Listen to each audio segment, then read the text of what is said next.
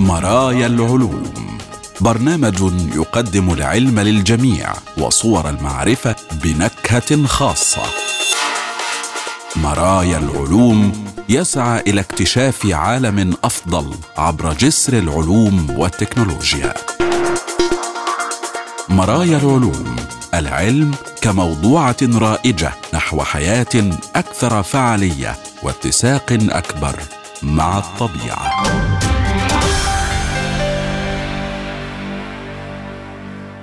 أهلا بكم مستمعينا الكرام وحلقة جديدة من برنامج مرايا العلوم حيث العلوم والحياة وصور المعرفة وتردداتها بلا حدود والسعي نحو غد أفضل يتسع للجميع ويفتح ذراعيه لعقول السلام.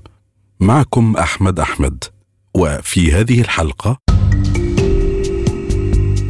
اكتشاف نظائر جديدة تماما للعناصر الأرضية النادرة الثقيلة. والآن نبدأ حلقتنا مع هذه الرحلة العلمية المتنوعة الأركان. ما العلم الذي يكمن وراء إحساسنا بالحدس؟ بدءا من تحديد مكان تناول الغداء مثلا وحتى اختيار الابتعاد عن خطر لم تحدده بعد يلعب الحدس دورا في حياتنا كلها. كل شخص منا لديه قصة للفعل أو لعدم الفعل. الطريق الذي لم يسر فيه والمقهى الذي لم يدخل والوقت الذي استجابت فيه أجسادهم لإنقاذهم بجزء من الثانية قبل حدوث شيء سيء. هناك العديد من المصطلحات لذلك. الحاسة السادسة الشعور الغريزي والإحساس الداخلي أو حتى قل إنه شيء في الهواء في الجو حولك. وفقا لعالم الأعصاب وعلم النفس كذلك جويل بيرسون من جامعة نيو ساوث ويلز فإن هذا ما يحدث في الدماغ في تلك اللحظة. إنه يعالج كل الأشياء في البيئة. الوقت من اليوم. مدى جودة الإضاءة؟ مدى عدم الإضاءة؟ سرعة مشية الشخص؟ وعلى سبيل المثال الظلال ونغمة الصوت؟ ومئات من الأشياء الأخرى. لكن هل ستكون عملية التنبؤ مبنية على التعلم السابق والمواقف التي اختبرتها والكتب التي قرأتها وكذلك الأفلام التي شاهدتها وكل الأشياء التي مررت بها في حياتك؟ سنرى. لنسميه الحدس فهو مفهوم غامض ظل بيرسون يدرسه لمدة 25 عاما. بصفته مؤلف كتاب جديد بعنوان The Intuition Toolkit فقد استقر على تعريف قوي لهذا الشيء الذي لا يستطيع الكثير من الناس وضع أصابعهم عليه. إنه الاستخدام المتعلم والإيجابي للمعلومات اللاواعية من أجل اتخاذ قرارات أو إجراءات أفضل. في مختبره للعقول المستقبلية في جامعة نيو ساوث ويلز ينخرط بيرسون في علم الوعي. وعلى وجه الخصوص كيف تؤثر المعلومات الواردة من اللاوعي لدينا على عملية صنع القرار والسلوك والمشاعر؟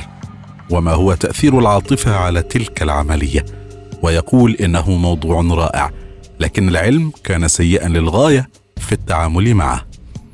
إنه اذا علم الفيزياء النفسية. مجال فرعي من علم النفس يصفه بيرسون بتطوير اختبارات الدم أو المجاهر الخاصة بالعقل.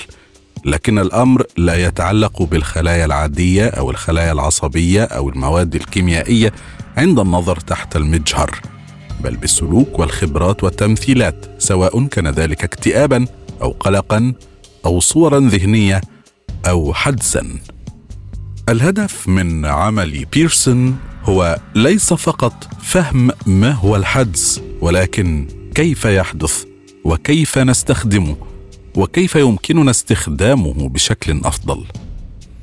كان التحدي الأول هو التوصل إلى تعريف دقيق ومفيد للحدس وهذا أمر مهم لأن الكثير من الأشياء تندرج تحت الحدس وجنون العظمه منها وأيضا التفكير العاطفي والتحيز المعرفي وميل الإنسان إلى رؤية أنماط أو ارتباطات لا وجود لها وقابلية الإنسان للخطأ عندما يتعلق الأمر بالحكم على الاحتمالات.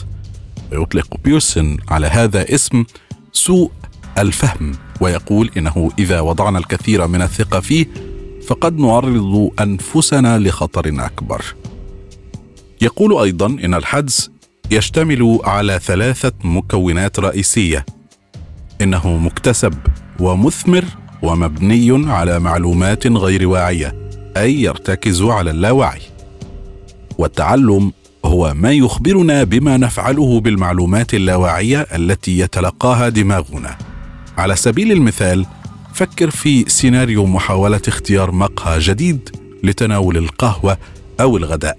مثلا لقد ذهبت إلى مئات المقاهي من قبل ويقوم دماغك بمعالجة كل هذه الأشياء. درجة الحرارة والموسيقى نوعها ودرجة الصوت وتسريحات الشعر وآلة القهوة وهذا وذاك. وأيضا حتى مدى نظافة الأرضية ومدى نظافة النوافذ. ويقول بيرسون لقد تعلمت للتو أن بعض هذه الأشياء تتنبأ بطعام أفضل وقهوة أفضل. لذلك عندما تقف عند مدخل مقهى فإن حدسك يطبق تلك الدروس المستفادة على ثروة المعلومات اللاواعية التي تعالجها ويمنحك شعورا داخليا حول ما إذا كنت تريد تناول الطعام هناك أم لا. يجب أن يكون الحدس أيضا منتجا وفقا لتعريف بيرسون. إنها طريقته في توضيح الجدل الدائر حول ما إذا كان الحدس جيدا أم سيئا وما إذا كان المصطلح يمكن أن يشمل أي نوع من اتخاذ القرار التلقائي أو القائم على العاطفة. إنه يريد التركيز على الموقف الذي يعمل فيه الحدس نحو الأفضل. وأخيرا المعلومات اللاواعية. هي المكان الذي تصبح فيه الأمور مثيرة للاهتمام حقا في مختبر بيرسون. ان المعلومات التي ندرك أننا نتلقاها في أي لحظة. صوت زميل لنا في الهاتف أو رائحة القهوة عندما نسير بالقرب من أحد المقاهي أو الشعور بأشعة الشمس الحارقة على بشرتنا. ليست سوى غيض من فيض. ليست سوى قمة جبل الجليد. يقول بيرسون إن الدماغ جيد حقا في تقييد دائرة الضوء. بحيث يمكنه تركيز جميع الموارد على شيء واحد ضيق مثل تسليط الضوء على المسرح. لكن كل تلك المعلومات الحسية الموجودة في بقية الجبل الجليدي لا تزال قيد المعالجة. يتضح ذلك من خلال ما يسميه بيرسون التعمي وهو مثال على كيفية دمج المعلومات التي لا ندركها حتى في أفعالنا. سواء كان ذلك مد قدم لإبعاد كرة أو خطف جسم ساقط مائل من على طاولة المطبخ أو سحب طفل من الطريق قبل لحظات من مرور سيارة غير مرئية. تعريف الحدس هو شيء واحد. السؤال التالي الذي يعمل بيرسون على الإجابة عنه هو كيف يمكننا استخدام هذه المعلومات لاستكشاف واستغلال حدسنا؟ لتحقيق هذه الغاية توصل إلى اختصار مفيد للقواعد الخمس لفهم حدسك واستخدامه بأمان وهو مصطلح يضم كلمة سمايل أو الابتسامة حيث يرمز حرف S إلى الوعي الذاتي أو self awareness وخاصة حالتك العاطفية. عندما نكون متوترين أو عاطفيين فإن حدسنا يتأثر بهذه المشاعر. في هذه الحالة لا ينبغي لنا أن نثق بما يبدو أنه حدس لأن ما نفعله حقا هو الاعتماد على التفكير العاطفي أو الخوف أو حتى جنون العظمة. الحرف الثاني يمثل M الإتقان أو mastery لأن تعلم كيفية استخدام حدسك يتطلب الممارسة والتعلم.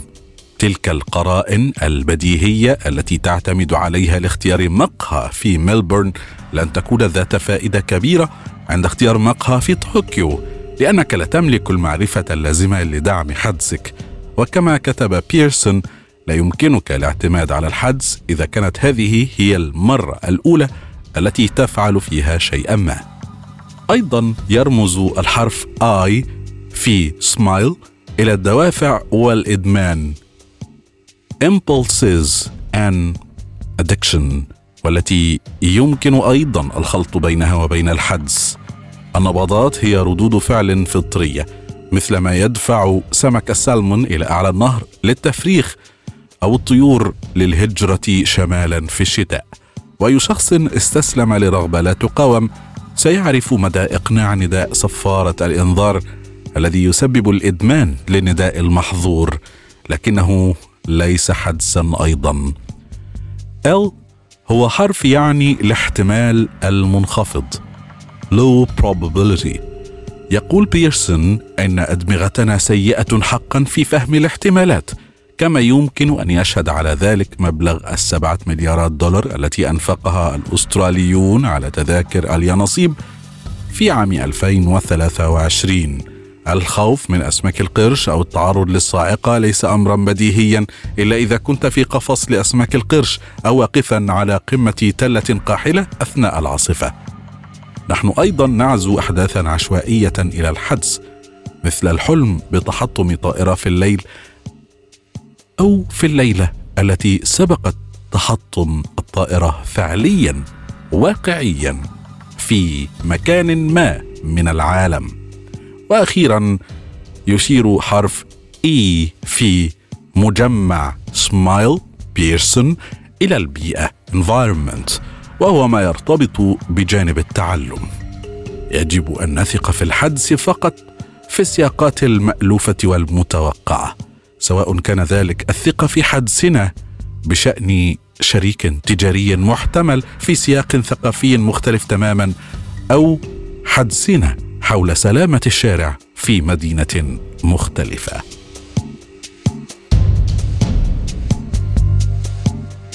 لماذا يتغير لون الأوراق في الخريف؟ تعتمد النباتات على مجموعة من الأصباغ لإنتاج الطاقة من ضوء الشمس وفي الخريف يصبح بعضها أكثر وضوحا من غيرها. في كل خريف يسافر ما يسمى بمختلسي النظر إلى أماكن مثل كولورادو وفيرمونت وماساتشوستس للاستمتاع بأوراق الشجر الملونة من ساحل إلى ساحل. تنزلق الغابات الخضراء إلى ظلال من اللون الأحمر والأصفر والبرتقالي مع تغير الفصول ويمكنك في كثير من الأحيان تحديد الوقت المناسب للحصول على أفضل المناظر. ولكن لماذا تخضع النباتات لهذا التغيير الجذري؟ وكيف تعرف متى تبدأ؟ في الغابات المعتدلة والشماليه تسمى الأشجار والشجيرات التي تسقط أوراقها بالنباتات النفضية وهي تشمل مجموعات مثل الحور الرجراج وخشب القطن والقيقب والبلوط. على الطرف الآخر من الطيف توجد نباتات لا تتساقط أوراقها. على سبيل المثال أشجار الصنوبر والأرز والتنوب التي تشكل الصنوبريات أو النباتات دائمة الخضرة. ينتج كلا النوعين من الأشجار طاقة أقل في الشتاء. لكن الصنوبريات لديها تكيفات مثل الطلاء الشمعي لتقليل فقدان الماء مما يساعدها على الاحتفاظ بإبرها طوال العام. وفقا لآدم مور وهو مراقب غابات مشرف في دائرة الغابات بولاية كولورادو فإن الأشجار بجميع أنواعها تلتقط الإشارات من بيئتها مثل ما نفعل نحن كثيرا والتي تخبرها عندما يحين وقت البدء في الاستعداد لفصل الشتاء. أما في أوائل الخريف فتبدأ الظروف الجوية في التغير. يصبح الجو أكثر برودة مع ليال باردة ولكن ليست متجمدة وتقل مدة ضوء النهار. بشكل جماعي هناك كمية أقل من ضوء الشمس يمكن للنباتات حصادها باستخدام الكلوروفيل الموجود في أوراقها. لذلك تبدأ الأشجار المتساقطة في سحب استثماراتها في إبقائها على قيد الحياة. يوضح مور ويقول إن الأشجار مثل المصنع وتحب أن تكون فعالة. إنهم ينتجون الأكسجين لنا والطاقة لأنفسهم وبدون ضوء الشمس يبدأون في إغلاق متجرهم لهذا الموسم. إذا جاز التعبير بحلول الوقت الذي يحدث فيه التجمد الأول تكون الأشجار في طريقها إلى السكون. في حين أن الكلوروفيل هو الصبغه الأكثر شيوعا التي تستخدمها النباتات لحصد الضوء تبدو الأوراق الخضراء بهذه الطريقة لأن الكلوروفيل يمتص الضوء الأحمر والأزرق ويعكس الضوء الأخضر. وغالبا ما تحتوي النباتات على مجموعة متنوعة من الأصباغ الثانوية أيضا. فعندما يبدأ الكلوروفيل في أوراق الشجرة في التلاشي تصبح هذه الصبغات الأساسية مرئية. هذا ما نشهده عندما تصل أوراق الشجر إلى ذروتها في الخريف حسب ما تقول كريستينا بيتنسون خبيرة التشجير في جامعة ماساتشوستس أمهرست. تنبع الألوان الحمراء والأرجوانية من أصباغ ثانوية تسمى أنثوسيانين في حين أن الكاروتينات والزانثوفيل تنتج اللون البرتقالي والأصفر على التوالي ضمن مجموعة واحدة. مثل أشجار القيقب. طورت أنواع مختلفة مجموعة أصباغ خاصة بها. على سبيل المثال يتحول نبات القيقب الأحمر هذا إلى اللون القرمزي اللامع في الخريف بينما يتحول لون القيقب الأسود إلى اللون الأصفر. وبينما تجعل هذه الأصباغ الأشجار جميلة فإنها تخدم أيضا غرضا مهما. توضح بيزنسون إن الأشجار ذاتية التغذية فهي تصنع طعامها بنفسها من خلال عملية التمثيل الضوئي وغالبا ما تسمي الأوراق نفسها بمصانع الغذاء للشجرة. وإن وجود مجموعة من الأصباغ التي يمكنها استهداف أطوال موجية مختلفة من الضوء يسمح للنباتات بحصد المزيد من الطاقة أثناء عملية التمثيل الضوئي. وقد يكون الاستثمار في الكثير من الأصباغ مكلفا. لذلك لا تتبع جميع الأشجار هذه الاستراتيجية. لكن أولئك الذين يفعلون هذا غالبا ما يكونون يتمتعون بسرعة نسبية. وفي حين أن الكثير من تدفق جو الخريف هو الدافع وراء تغير البيئة فإن توقيت تغير اللون يتم تحديده جزئيا على الأقل بواسطة علم الوراثة.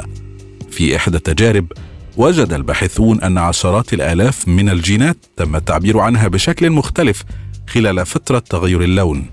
تبدأ بعض الأنواع مثل خشب اوكسيدندروم أربوريوم في تغيير لونها في وقت مبكر من أواخر الصيف في حين أن أشجار البلوط غالبا ما تسقط أوراقها لفترة طويلة بعد أن تصبح الأشجار الأخرى عارية. لاحظ العلماء أيضا أن أفراد النوع نفسه الذين يعيشون على ذات خط العرض سيغيرون ألوانهم في نفس الوقت بقطع النظر عن الارتفاع عندما تكون الأشجار التي تعيش على ارتفاعات أعلى وأكثر برودة من المتوقع عادة أن تتغير اولا بسبب درجات الحرارة الباردة. ولكن مع حلول فصل الشتاء تتخلص النباتات المتساقطة في الأوراق في النهاية تتخلص من أوراقها تاركة وراءها ندبات ورقية. إن تصفها كذلك صغيرة مستديرة. عند العقدة التي تلتصق فيها الورقة بالشجرة وحتى في حالتها العارية لا تزال الأشجار توفر خدمات قيمة للنظام البيئي.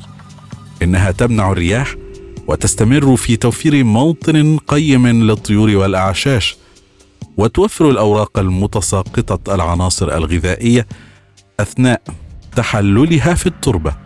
فتساقط الأوراق سنويا يساعد في بناء التربة عن طريق صنع المهاد وتغطية التربة الموجودة فوق الجذور خلال فصل الشتاء لإبقائها دافئة.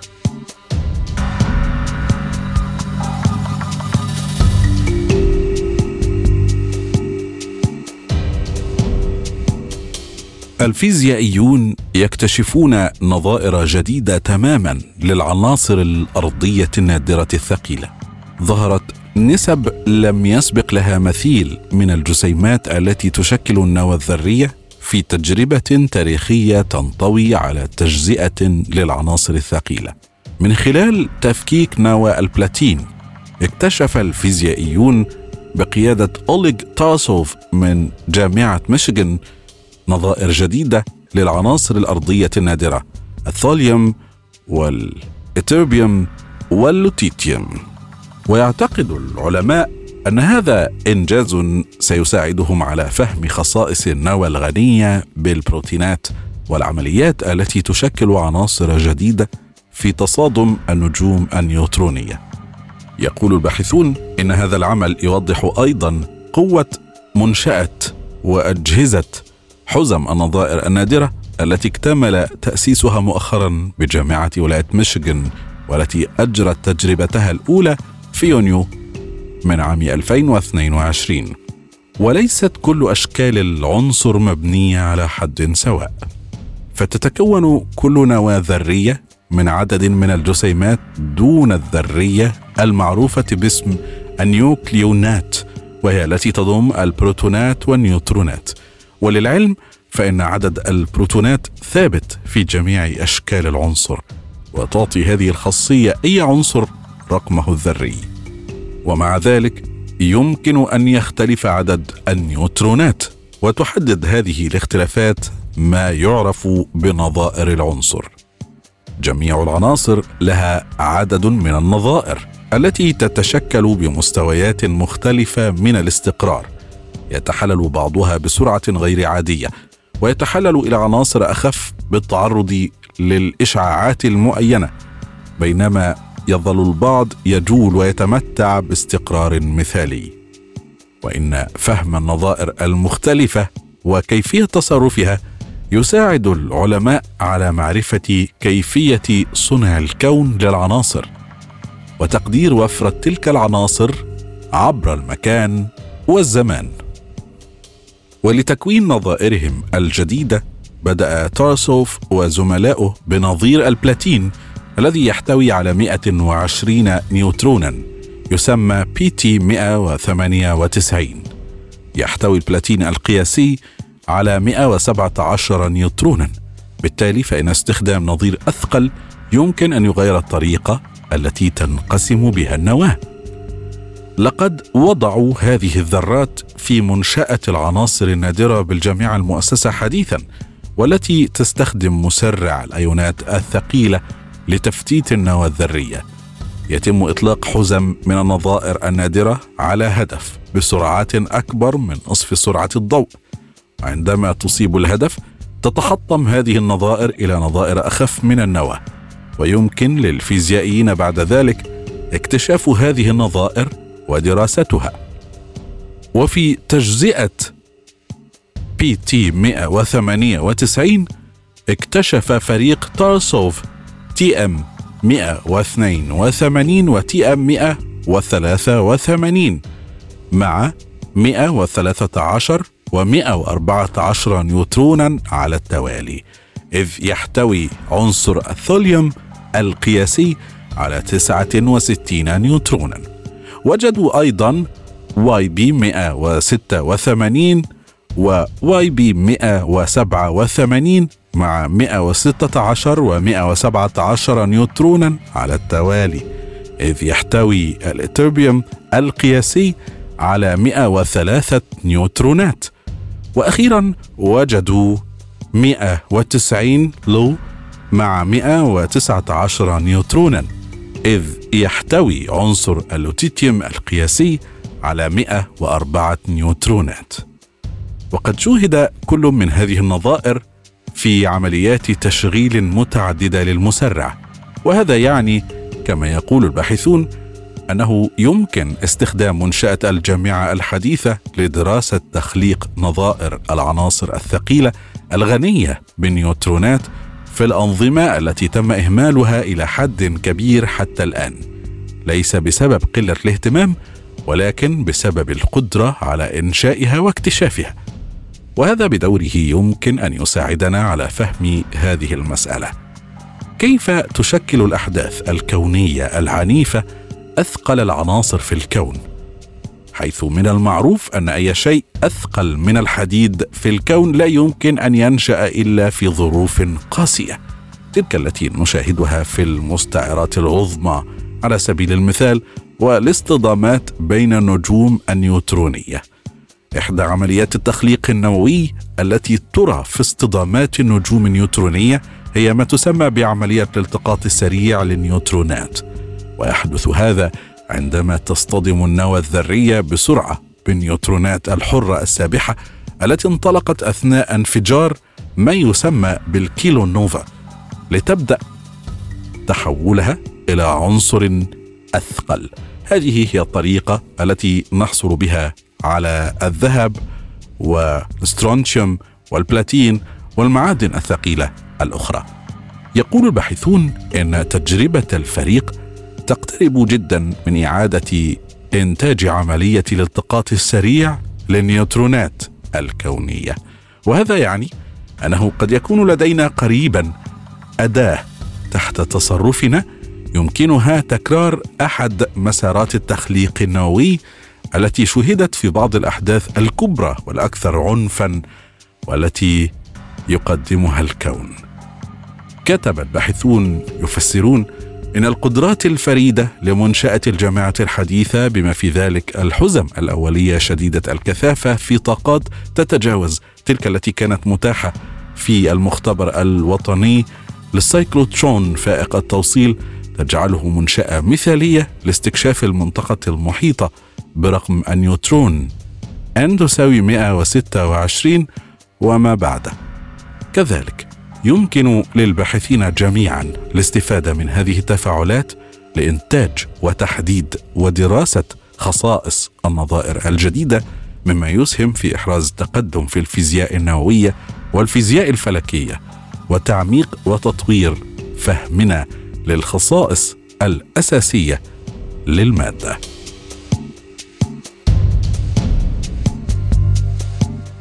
هل يمكن أن يؤثر لون عينيك فعليا في قدرتك على القراءة؟ ما يقرب من واحد من كل عشرة أشخاص حول العالم لديه لون عين يمكن تشبيهه من الناحية الشعرية بظل سماء الصيف أو لون المحيط الاستوائي أو حتى اللون الشاحب للزبرجد المقطوع بشكل مثالي. وفي بعض المجموعات السكانية الأوروبية يمكن أن ترتفع هذه النسبة إلى ثلاثة من كل أربعة أفراد. واستمرار هذا اللون في المنافسة مع الألوان الترابية للقزحية ذات اللون الداكن كان سببا للتكهنات منذ فترة طويلة. الآن يقترح علماء الأنثروبولوجيا في المملكة المتحدة أن العيون الزرقاء يمكن أن يكون لها حافة طفيفة في ظروف الإضاءة الخافتة. في تجربتهم الأولية استكشفت كيوكو ياماغوتشي وطالبتها فيث رين من جامعة ليفربول هذا الاحتمال مع 39 متطوعا.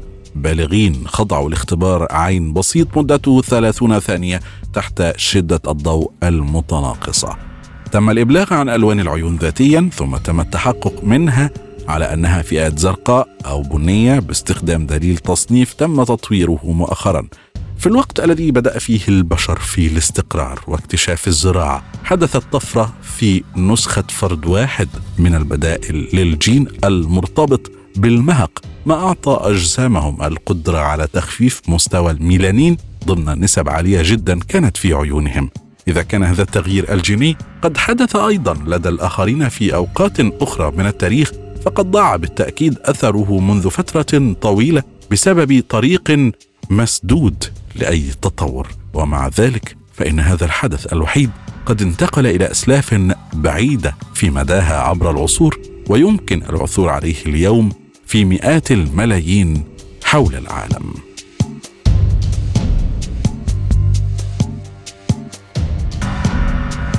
إلى هنا مستمعينا الكرام نكون قد وصلنا وإياكم إلى خاتمة هذه الرحلة والجولة في مرايا العلوم. شكرا جزيلا.